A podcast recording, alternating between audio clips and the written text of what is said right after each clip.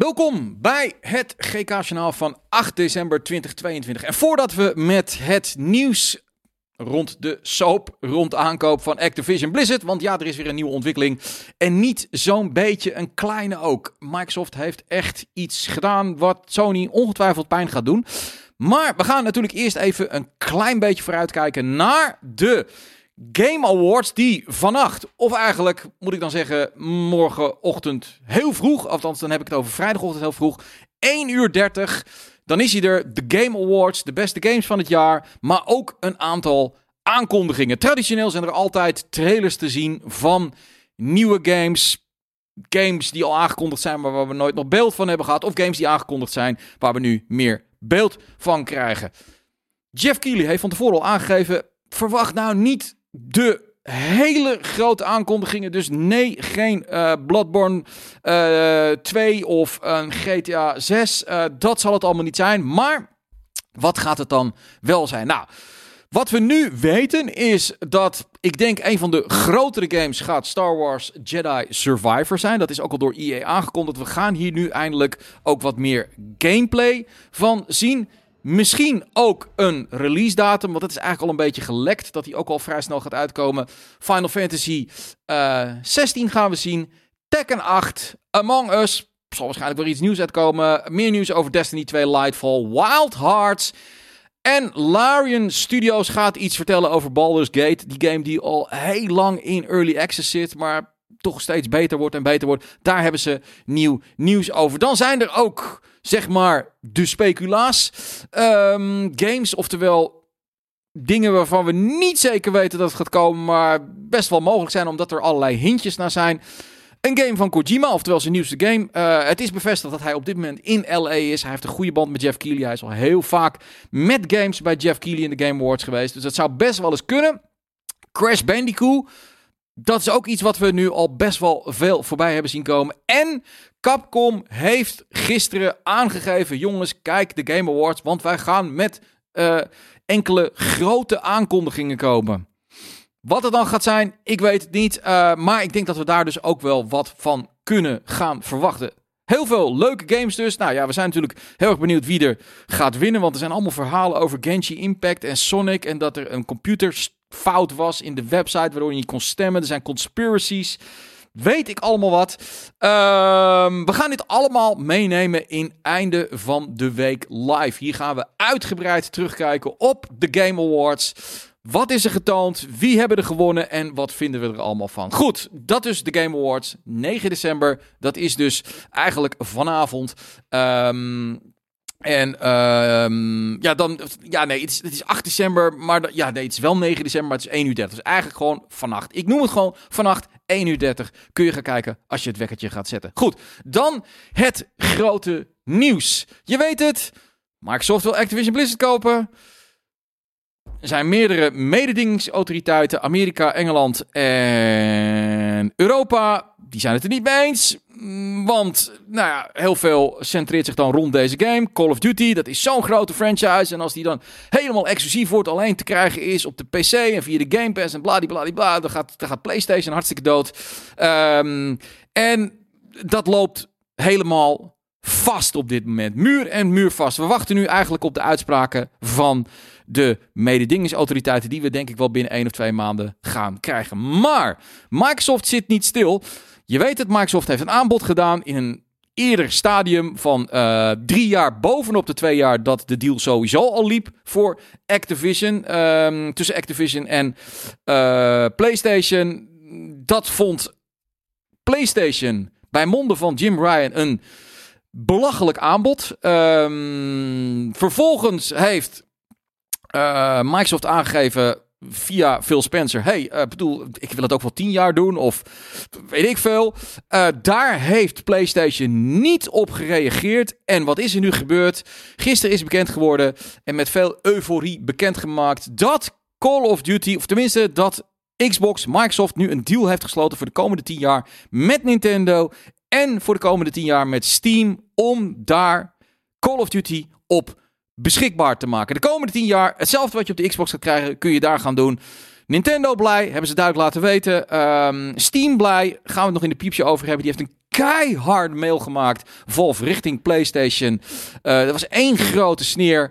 Uh, hij zegt van, hey dude, die tien jaar, dat had voor mij helemaal niet gehoeven. Want ik vertrouw namelijk Microsoft op hun woord. Ze zijn nog nooit een afspraak niet nagekomen. Iets wat PlayStation zegt dat ze dat wel de hele tijd doen.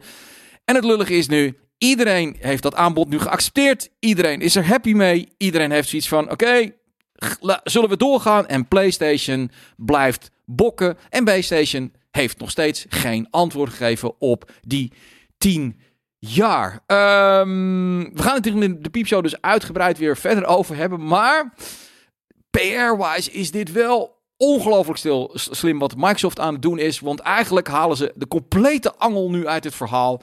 Uh, wat PlayStation uh, uh, probeert te gebruiken. Namelijk dat zij Call of Duty willen gaan gebruiken om de concurrentie buiten spel te zetten. Niet dus. Goed, dan gaan we ook naar PlayStation 2. En dat gaat dan over Uncharted. Je weet het.